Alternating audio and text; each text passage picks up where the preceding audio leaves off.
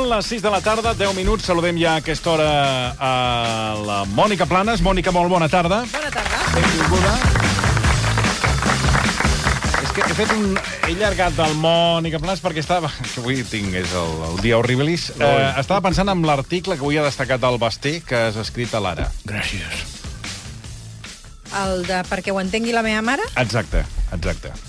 Aquesta expressió que és un, és un tòpic Sí, que sí, fem sí. servir. No, no, és que m'ha agradat, m'ha agradat molt eh, l'article i ara Ara m'ha vingut al cap l'article en qüestió, que ara la Marta Cailà el, el buscarà, Sí. i te'l volia comentar, però és allò, com que la, el dia, diguéssim, ha estat atropellat, que no he tingut temps ni de pràcticament És quan el, prendre una Coca-Cola. hi ha periodistes que fan servir el tòpic de expliqui'm això perquè ho entengui la meva mare, Exacte. que és fer servir les dones d'edat, sobretot com a barem de, de la ignorància, no? És de, escolta, i els pares i els fills, i, no? i més parlant d'intel·ligència artificial. Al final, les mares no crec que siguin les úniques que no ho entenen. Sí, sí, és que Però és el molt, recurs, I molt. això, de fet, és un clàssic. A les redaccions de- de- d'abans et deien això ho has d'escriure perquè ho entengui la meva mare o perquè ho entengui la teva iaia. I tu deies, però perdoni, vull dir, quin, quin, quin, quin consell és aquest per, per Mm. I redactar? quin nivell no? entén vostè? Que, que, que tenen la- les dones, exacte, no? que la meva mare o que, la, exacte, o que el meu pare no tingui un nivell... Tenen eh, que aquestes és- dificultats sí, de comprensió. sí, doncs sí. podem fer servir altres uh, recursos, Sí, sí, no, no, com per exemple... El nen. eh, Fan servir el nen moltes vegades. Bueno, però el nen Perquè depèn ho de quina entengui edat. el Cal, nen. però hi ha nens que entenen moltes coses. Jo crec que expliqui-ho d'una manera molt senzilla Perquè que no entendre el Adri, tothom. perquè no l'Adri. No s'ha dit mai perquè ho entengui el meu pare. O perquè ho entengui el meu marit. Perquè ho entengui ma mare, sí. No, jo no ho he dit, eh, però... Perquè ho entengui el meu marit, Sí, jo ho he sentit. Perquè ho entengui el meu marit. Jo ho he sentit. Jo. Vostè sempre sent coses eh, que no toca. Bueno, centrem-nos en Navalny. Eh, el, el documental el podeu trobar a HBO Max, tal com deia Mònica Planes, ja es va emetre a TV3, no, no, no recordo quan. Documental d'una hora 35 minuts, i jo aquest documental no l'havia vist, reconec que el vaig veure un cop eh, va morir Navalny, d'aquests dies que he estat de baixa, i mira, el vaig, el vaig triar, i, i he, de, he de dir que em va sorprendre el personatge, eh, el documental i el personatge perquè el vaig trobar com molt confiat. No sé, aquesta és la primera impressió eh, que, que vaig tenir en el documental. En certa manera, el documental sembla que també estigués eh, pensant en la hipòtesi que en algun moment Navalny fos mort per recuperar Sí, aquest documental. ah, ah, perdona, eh? els, que, els que el feien sí que crec que pensaven... Pensaven- eh, Aquest el pelen. aquest el pelen i el remetrem o, és més, el senyor Clapés se'l mirarà quan, Quan- quan Navalny l'assassinin, que És una mica, eh, eh, que és el, el segon eh, eh, espectador possible, que sóc jo, que me'l vaig mirar un cop va morir Navalny, i vaig dir, hosti, deixa'm-el mirar. Però eh, hi havia com un interès per part del documental de que, bueno, de que la cosa... De la Perquè morbositat. insistien bastant. Morbositat. Uh, clar, Navalny eh, hi ha un... O sigui, s'ho va prenent, hi ha un moment que comença ja a dir, bueno, eh, nois, sembla que tingueu ganes de que, em- de, de que em matin. Pues mire. I a partir d'aquí ja li passo la pilota a Mònica Plana. T'he de dir, ell també deia, fem, en tot cas, per una segona part, em sembla que aquesta segona part haurà de ser sense ell. És el documental que va guanyar l'Oscar a millor documental l'edició eh, passada. Avui s'ha sabut que el Kremlin el va matar just abans que fos alliberat en un intercanvi de presos. La presidenta de la Fundació Anticorrupció assegura que s'havia negociat canviar-lo per un eh, espia rus empresonat a Alemanya per haver matat un líder txetxè a Berlín. Per tant, eh, és un bon moment també per entendre quines eren les idees de Navalny, quina Rússia proposava ell. I, a més a més, la periodista russa exiliada Masha Bor Borzunova també ha explicat, ha, explicat aquests dies als programes de televisió russos més populars de quina manera han parlat de la mort de Navalny, per entendre una, en certa manera quin és aquest personatge i com es percep des de Rússia, perquè aquí estem explicant moltes coses de Navalny aquests dies, però a Rússia la, el personatge s'explica d'una manera totalment mm. diferent com el coneixerem en el, en el documental. Hasta el senyor Elias de la Tele3 va dir que ni, ni se'n parla a la tele de Rússia. Certament, i aquesta periodista ha posat alguns exemples, passen per a la notícia, l'han explicat molt fugaçment, amb prou feines es diuen el seu nom. Putin no pronuncia mai el, Fixa't. el seu nom. Fixa't. Uh, han dit els pocs que han donat la informació que s'ha mort d'un coàgul que s'havia desplaçat mm. en el seu cos. Menyspreen la hipòtesi de l'assassinat considerant que a Putin no li convé abans d'unes eleccions, com si les eleccions mm. a Rússia tinguessin... Sí, perquè és tan frec a frec. Sí. I la nit, la nit electoral serà llarga a Ah, Exacte, Rússia. ves que no li vingui d'un- d'una Sí. mica. I uh, Nikolai eh, Rybakov, el líder del partit de l'oposició, va intentar transmetre el condol a la família de Navalny i parlar de l'esperança de l'alliberament d'altres presos polítics a Rússia i no el van deixar ni continuar, el van interrompre. Doncs bé, totes aquestes circumstàncies justifiquen avui una altra vegada el, justific el, el visionat de Navalny, aquest documental, per entendre doncs, això, qui era aquest personatge. Um, I ens centrarem sobretot en la part del documental. Recordareu que Navalny el van enverinar Sí. el 2020? Sí. I uh, hi ha tota una investigació posterior sobre de quina manera el, va el van enverinar i qui el van enverinar. El documental comença així, amb aquest uh, impacte que tu vas dir que, Sí, sí, que vas va. tenir quan el vas veure, i és amb el director, Daniel Roer, uh, dient-li això. ¿Grabando? Le estamos grabando a él. Vale, ¿vamos chicos? Sí, sí. Alexei, quiero volver a algo contigo que hemos tocado esta mañana. Y puede que te desagrade, pero quiero que pienses en esto. Si te mataran, si lo lograran, ¿qué mensaje le dejarías al pueblo ruso? Primera. Venga ya, Daniel. Ni hablar. Parece que estuvieras haciendo una película por si muero. A ver, yo puedo responder a tu pregunta, pero por favor, que sea otra película, la segunda. Digamos que esto será un tráiler de la película y si me matan, que sea una película muy aburrida para recordarme. Així comença el documental, que clar, ja em va enganxar, vaig dir. Totalment. Clar, premonitori totalment. En la primera part del documental veiem com és Navalny, el seu passat, la seva ideologia, també els punts més foscos de la seva trajectòria, que també n'hi ha alguns, els seus eh, vincles amb l'extrema dreta, i també la seva manera de donar-se a conèixer i fer campanya malgrat l'amenaça de mort constant. L'any 2020 ell feia uns breus reportatges que emitien el, emetia en el seu canal de YouTube sobre la corrupció a Rússia. Aquell 20 d'agost ell tornava a Moscou després d'haver estat treballant a Tomsk parlant de la corrupció a Sibèria.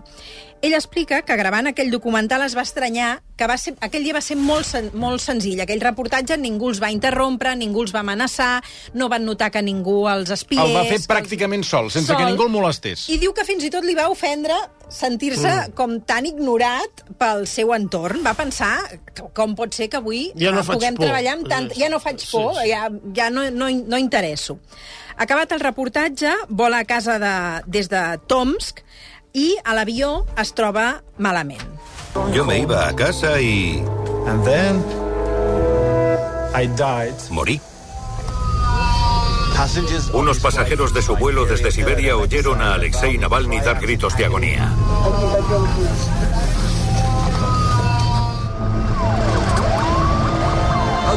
Otros pasajeros grabaron justo después de que el avión aterrizara de emergencia en Siberia y le llevaran al hospital, donde a Navalny se le conectó a un respirador artificial. Su portavoz ha dicho que Navalny ha sido envenenado. Su esposa ha ido rápidamente para estar a su lado.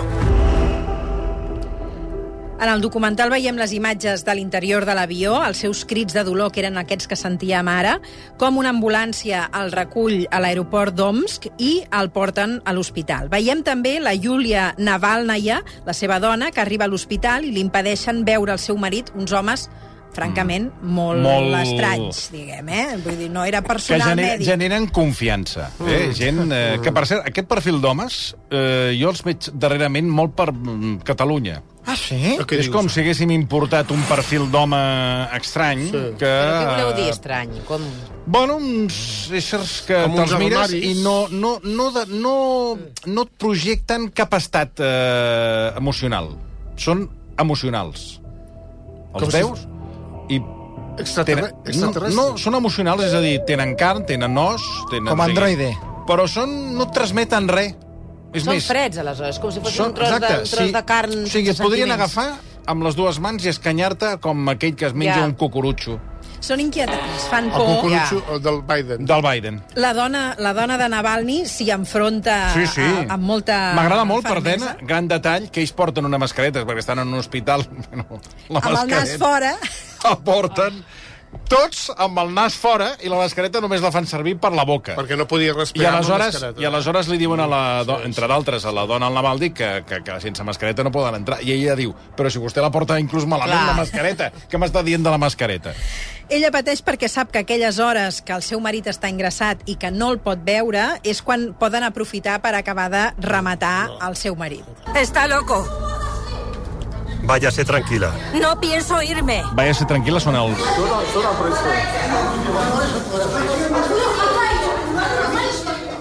No tiene por qué alterarse. Ella es su esposa. Aquests són els peces. Está haciendo un escándalo. Espere fuera. A ver.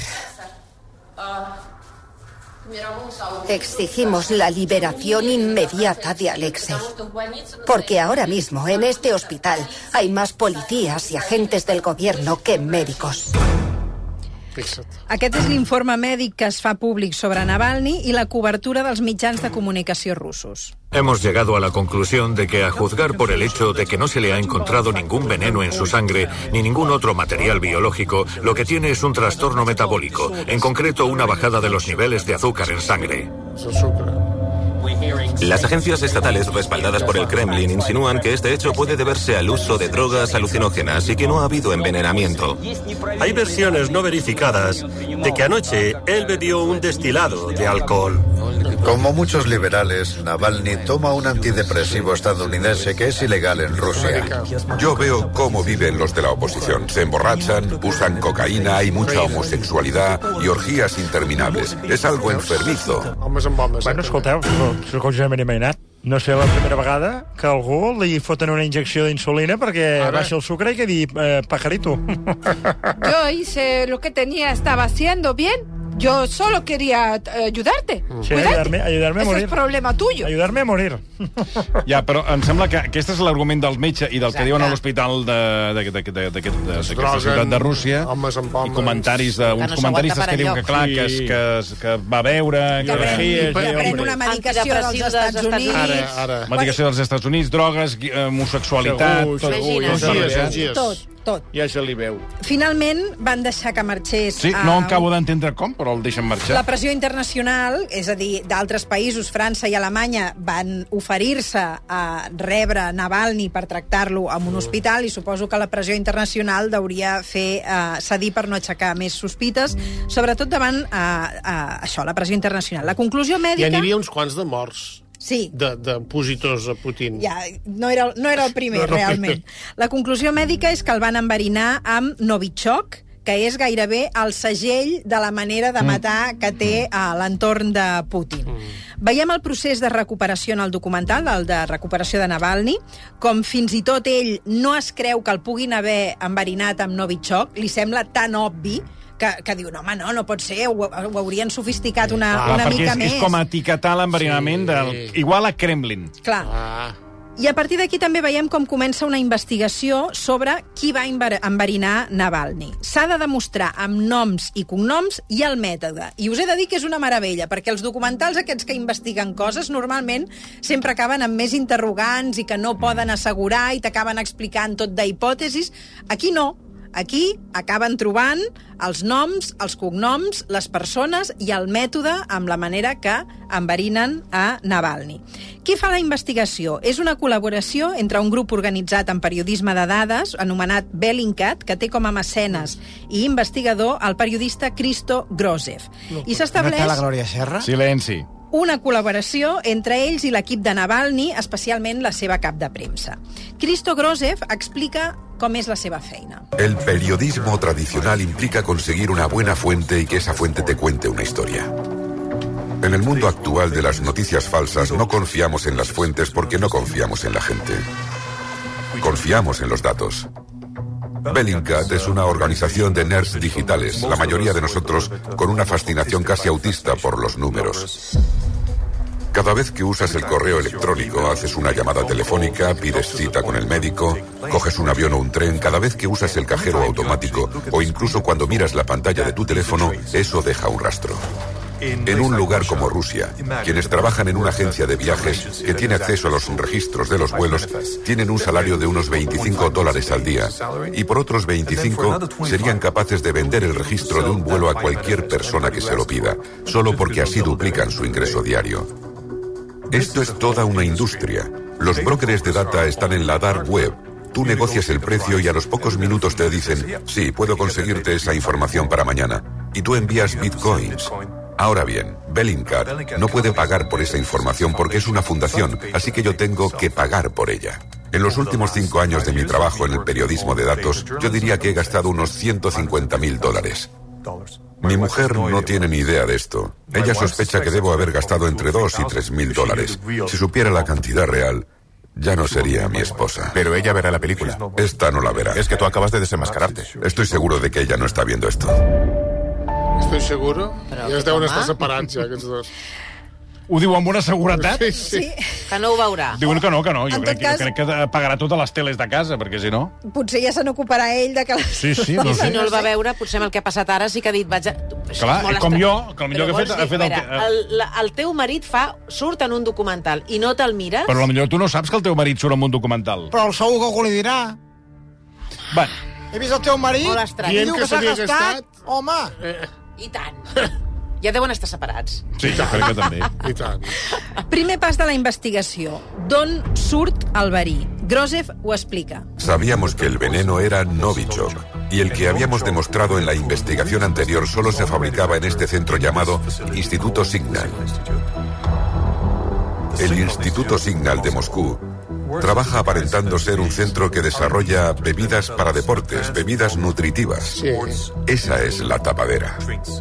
Sin embargo, para este trabajo emplean a 12 científicos cuya única experiencia y formación es en armas químicas. Nuestra hipótesis es que esa es la entidad que proporciona el veneno a los asesinos que recorren el mundo envenenando a la gente con Novichok. Estic segur... Novichok es chocolate para niños, para Sí, merienda. sí, sí. Eso está Sí. bien, Novichok. Ara, Fixa't, eh, eh? em fan una producció, diguéssim... Una indústria. Eh, home, 12 científics i no paren de No produir paren de fer Novichok. verins. Vinga. Aneu alerta, si us compreu una beguda isotònica Sí. feta a Rússia, no llapeu la, la llauna, perquè Sí, corres perill, eh? barri, eh? Jesús. Compren el registre telefònic del cap de l'Institut Signal i miren sí. els números de les trucades de telèfon que va fer just abans de l'enverinament de Navalny el 20 d'agost del 2020. A través d'unes aplicacions aconsegueixen trobar els propietaris d'aquells números de telèfons. Aquells noms formen part de la primera llista de sospitosos. Creuen aquests noms amb la llista dels passatgers que viatjaven ah. en Ah. el mateix vol Mira. de Sibèria. I I, què? a partir d'aquí ja tenen una llista més fiable. Veus? Necessiten saber com van admi- administrar el verí a Navalny i, sobretot, que es delatin explicant com ho van fer.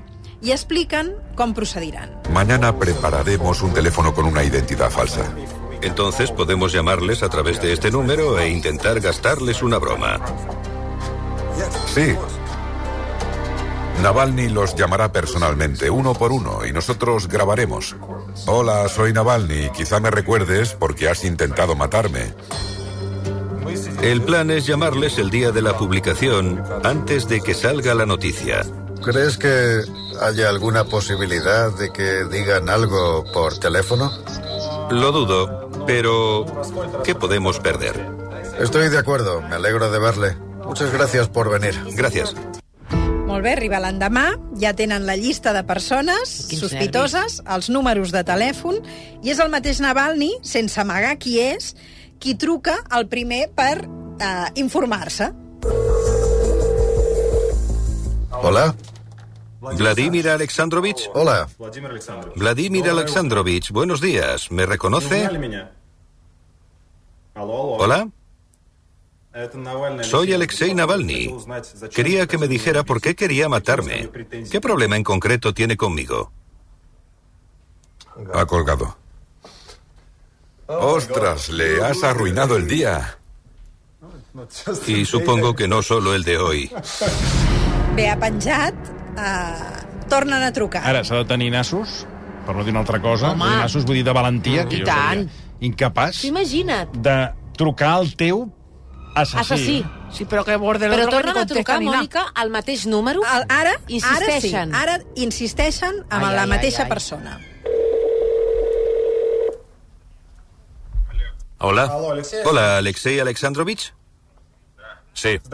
Un saludo. Me llamo Alexei Navalny y le llamo para preguntarle por qué quería matarme. Alexei Alexandrovich. ¿Jugamos a hacer silencio? Ha colgado. ¿Se ha desconectado? Ha colgado. Mejor inténtalo como una broma. Vale. Val. Per tant, ara truquen a un altre nom, però aquesta vegada Navalny no diu qui és, sinó que es fa passar per una altra persona. Hola. Hola, Mikhail Mikhailovich. Sí. Soy Maxim Yustinov, el asistente de Nikolai Patrushev. Vladimir Bogdanov me ha dado su número de teléfono. Buenos días. Discúlpeme por llamar tan temprano. Descuide. Claro, claro. Esto es algo urgente. Nuestros jefes exigen un informe sobre el motivo por el que las cosas no funcionaron en Tomsk. ¿Qué pregunta es esa? No la entiendo. ¿Es usted Mikhail Mikhailovich? Sí, soy yo. No le entiendo. ¿Quién es usted? Soy el asistente de Nikolai Patrushev. ¿Quién es Nikolai Patrushev? Mikhail Mikhailovich, ¿pretende jugar conmigo? Se acabó el juego. Sé quién eres. Adiós. L'ha reconegut per la veu. Sí, aquest no pica, diguem. Eh? Aquest... Tots eh, aquests noms que dona ell són d'altres noms que té a la llista de sospitosos. A la xarxa aquesta, eh? Exacte. Correcte. Com que, que estaven que... tots eh, eh, confabulats per enverinar eh, mm, a Navalny. Palmi. Com que els està costant, decideixen trucar a un dels científics que participen en aquest enverinament. Navalny es fa passar per una persona vinculada al Kremlin que fa aquest informe per saber què va passar en l'operatiu per millorar-lo la propera vegada que se'l vulgui no, no, ja el van eh, millorar, ja. Sí, sí, sí. Uh, Escoltem-ho. Hola. Hola. Konstantin. Sí, hola. Soy Maxim Justinov, asistente de Nikolai Patrushev. Vladimir Bogdanov me ha dado su número. Discúlpenme por llamar tan temprano, pero me urge que me conceda 10 minutos de su tiempo. Sí, sí, de acuerdo. Necesito una declaración de cada miembro de la unidad sobre lo que salió mal en Tomsk. ¿Por qué falló la operación Navalny? Ayudaré encantado, pero estoy en casa con COVID. Es por eso por lo que le llamo. ¿Y qué hay de Masajov? ¿Ha pensado en llamarle? Por supuesto, llamaré a Makhshachov. Esto es muy sencillo. Llamaré a Alexandrov, Makhshachov y a Tayakin. Y le pediré a cada uno de ellos que me explique brevemente qué ha salido mal y qué se debe hacer la próxima vez para conseguir algo. Yo también me he preguntado lo mismo. Doncs bé, aquí ja tenim Aquest sí que... aquest ha mossegat l'am. Sí, sí, eh? Aquest sí. Aquest ell s'ho ha preguntat també. Mm. Aquí, està, aquí tenim, en aquesta escena, a Navalny, amb la seva cap de premsa, que està gravant tota la, la conversa, i, a més a més, el Grossev, aquest periodista de dades, que és qui l'ha ajudat a aconseguir tota aquesta informació. Per tant, estan els tres, uh, més el director del documental, gravant les imatges que, que estem veient. Continuem la trucada i hem vist que aquest senyor ha, ha picat, sí. té intenció de continuar la conversa i realment eh, Navalny ho fa molt bé. Yo diría que nuestro trabajo se ha hecho bien. Lo hemos hecho tal y como estaba previsto. Como lo habíamos ensayado muchas veces. Pero en nuestra profesión, como ya sabes, hay muchas incógnitas y matices. Hemos intentado tenerlo todo en cuenta en la medida de lo posible. Pero cuando el vuelo hizo un aterrizaje de emergencia, la situación cambió y no a nuestro favor. Si el vuelo hubiera sido un poco más largo, las cosas habrían tomado otro rumbo. Si él hubiera estado más tiempo en el avión, Los médicos en tierra actuaron de inmediato y le inyectaron una especie de antídoto. Por lo tanto, si el vuelo hubiera durado más, todo habría salido tal y como estaba previsto. parece que la dosis se calculó mal. ¿Por qué? Nuestro cálculo fue bueno. Incluso usamos más cantidad. De acuerdo. Por favor, hábleme de la técnica específica. ¿Cómo se administró exactamente la sustancia? Esto debería hablarse por un canal seguro.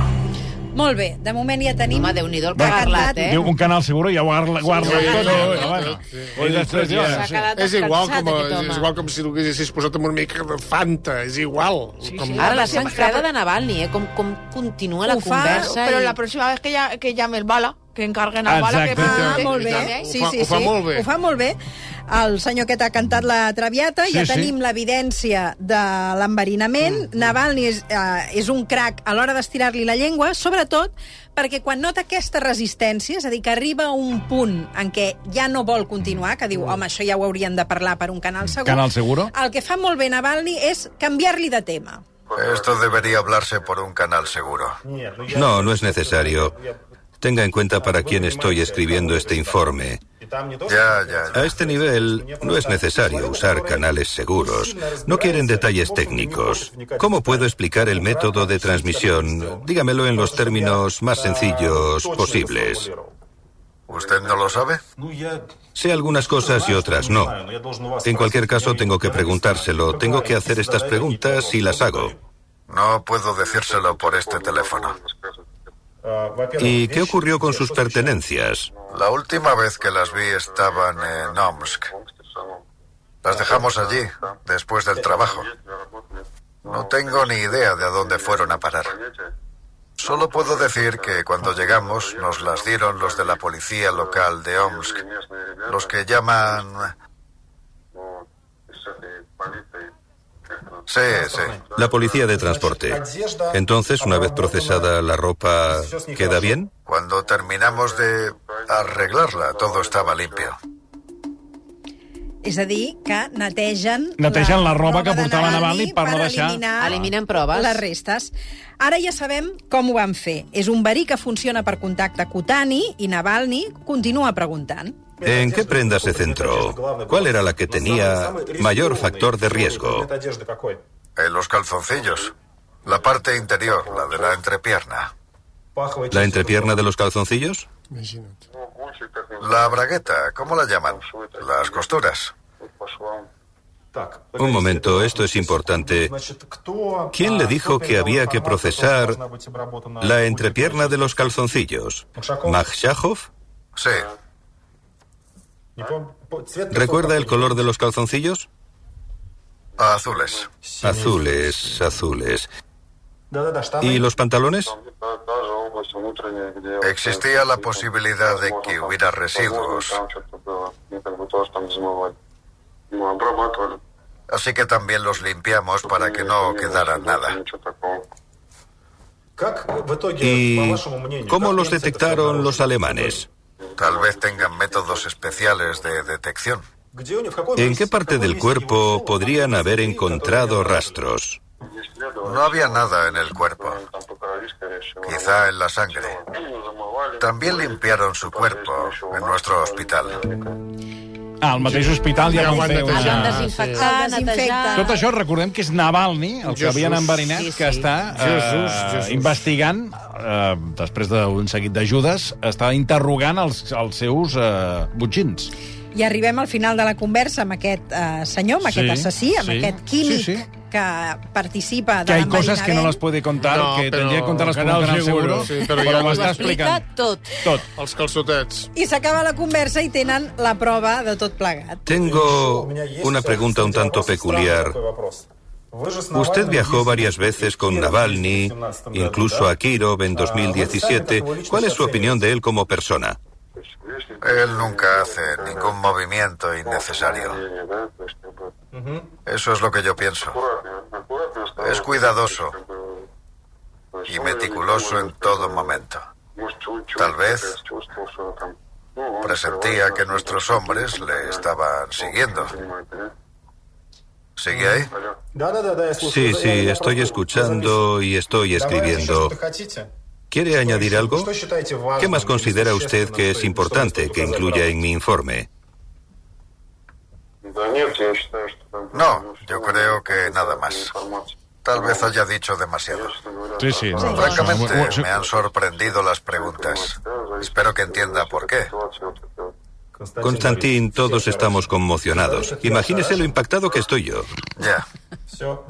Ya hablaremos. Adiós. Que todo vaya bien, adiós. Lo hemos conseguido. ¿Cómo pudiste hacer esto? ¿Cómo has podido? Sí, sí, sí, ahora lo sabemos todo. Moscú 4. Madre mía. No es un matón, es químico, un científico. ¿Sí? Sí, ha soltado toda la historia. Esto es increíble. Pobre hombre, le matarán, le matarán.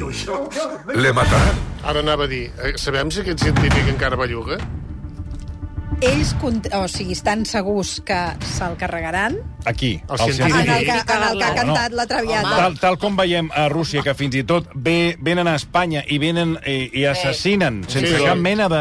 D'escrúpol. De, de, no, de d'escrúpol, que, cap mena d'impediment, i fins i tot Sí. Espanya, que no ha mogut fitxa, amb aquest eh, Pilot d'helicòpter. militar, Pilot. d'helicòpter que va, Entren, estava aquí, sí. se, se, amb, amb la, allò que se'n diuen eh, la, la, és a dir, cosa protegida. el- el- Exacte, és una persona protegida, la seva identitat protegida, o sigui, ningú sabia que aquest home estava que residia aquí i el van pelar, vull dir que imagina't Sí, sí. tu el científic i, el, van i no el científic. tiros i li van passar amb el cotxe per sobre. Fins i tot el, el periodista de dades es planteja la possibilitat de tornar-lo a trucar, avisar-lo, que, de- que, que deserti, és a dir, que, que, que, Que marxi, recone- sí. que marxi, que ells l'acolliran i el protegiran a canvi de que continuï eh, explicant coses. Però aquest fil no se sap com continua Clar, en el, el, aquest, el, en el, el, el cercador de dades també vés a saber si ja també ha tingut eh, una dosi de, Com a- Novichok. De Novichok. de Novichok, perquè clar, el reparteixen com els sugus.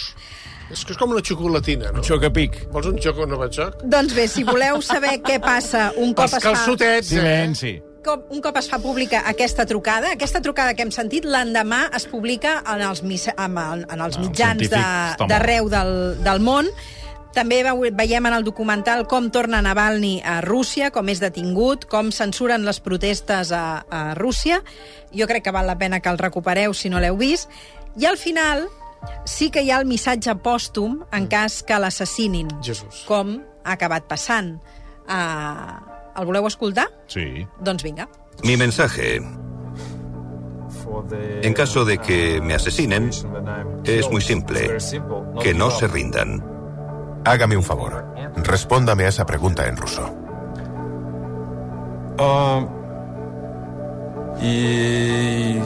A ver, quiero decirles algo muy obvio. No está permitido rendirse. Si ellos deciden matarme, eso significa que nosotros somos increíblemente fuertes. Debemos usar ese poder, no rendirnos. Recordar que tenemos una fuerza que... Estos miserables nos están limitando. No nos damos cuenta de lo fuertes que somos ahora mismo. Lo único que se necesita para que triunfe el mal es que las personas de bien no hagan nada. Así que manos a la obra. Fixeu-vos en aquesta música èpica de fons. Sí, que només falta que surti el manera- Mago Pop Wow. i És- faci desaparèixer Iba a Putin. decir lo mismo. Però, en certa manera, mm, és la manera de dir que sabien que aquest missatge en algun moment tindria un valor, eh, acabaria passant el que ha acabat passant. És com si el documental sabés que en algun moment eh, seria pòstum. Però la gent està molt espantada a Rússia, eh? ja ho van explicar. Uh, Per cert, ens han, ens han escrit alguns oients dient si es parla del passat ultranacionalista, Sí. xenòfob, I se li de pregunta... Navalny. Es Aquesta, parla... aquesta cara B de Navalny Mm. Sí, sí, surt, sí. eh? Surt, es parla, s'ensenyen imatges d'ell en a les uh, Mhm. Sí, sí. compareixences que feia defensant aquestes idees i se li interroga per això i, i t'he de dir que en alguna de les respostes que fa quan se li pregunta per aquest tema és fins, fins i tot una mica mm, tebi a l'hora de condemnar les, les idees. Sí, sí, sí, és un tema que, que es tracta, que surt eh, de manera molt explícita i no, no es, no es tapa en cap moment. Jo m'aniré a comprar ara un comptador Geiger, d'aquells que, que mesuren. De radiació. Sí, el que passa és que I aquí un, parlem- ho, parlem posaré, de- ho posaré al calaix dels calçotets, la meva senyora... No, y se lo trae aquí siempre. Es aquí donde le van a, enve- se le van a envenenar Bueno, que pero la una radio. cosa es aquí, pero aquí mi siempre. mujer El que m'ha deixat... últimamente està el que m'ha rara. deixat no, no, no m'ha acabat de saber com s'administra el Novichok. Això és una cosa que perquè... Els calçotets, si t'ho han dit. Però com li però posen com li els posen els calçotets? Com li Perquè allò posen? és una pa queda absorbit el teixit però, a i llavors com- te'n va la li- pell. com li passes Muy el fácil, calçotet? cuando tú embarcas, cuando tú facturas una maleta, pues el otro está esperando en el túnel, coge la maleta, coge los, los calzoncillos, le mete ahí como un no, polvo talco, els polvo talco. No, si són els que portava posats. Exacte, els porta posats. bueno, però ja ja els hi no sé. posat, vol dir que ja li A- han a posat abans. A l'hotel. a l'hotel, A home. l'hotel o a la maleta, si en algun moment poden agafar la seva maleta. Home. O mentre pixava, igual es havia els Eh, en tot pantalons. cas, sabien, eh, el que Sí, sí. aconsegueixen saber és que en algun moment accedeixen a la seva roba Exacte. per eh, impregnar-la de, de, Ara, de verí. ara em fareu rentar tots Recordem que. Navalny eh, va ser enverinat, el van intentar assassinar, el va aconseguir eh, la seva dona portar-lo a Alemanya, Mm. allà el van guarir, recuperar, sí. i ell va voler tornar una altra vegada a Rússia sí, quan el van Que ja li tornar a detenir. deien que et pelaran. I així deien. acabat. que es veuen tant, al documental les imatges d'ell Sí, sí. tornant a Rússia, com tot el vol l'aplaudeix Sí, sí. quan el veuen pujar a l'avió i després com l'està esperant a molts dels El seus seguidors a l'aeroport, com el detenen i després com detenen també part dels manifestants que estan esperant a donar-li la, la benvinguda. Mònica Planes, moltíssimes, moltíssimes gràcies. A vosaltres. Uh, un plaer que ens acompanyi la Mònica Planes i un documental que, ara que malauradament uh, doncs ha mort Navalny, és un bon moment per repescar-lo, perquè, com dèiem, era com premonitori. Fem una pausa i tot seguit uh, obrim el temps afegit d'aquest 28 de febrer. Any de traspàs. 27, 27. Bueno, doncs el, el, perdoni, 28 però... demà i l'altre Sí, no, és que el 29. rellotge m'ha saltat el dia. Veus? Està- Avui, no, Avui- ja l'he dit no, que que avui, avui- tinc el avui dia... no, eh? Avui tinc el dia creuat. Toni, què passa? Ho he mirat, el 28. Mira't els calçotets. Mi- Mira't els calçotets. ¿Quieres Novachok? Bueno, ¿por qué no? Versió RAC 1.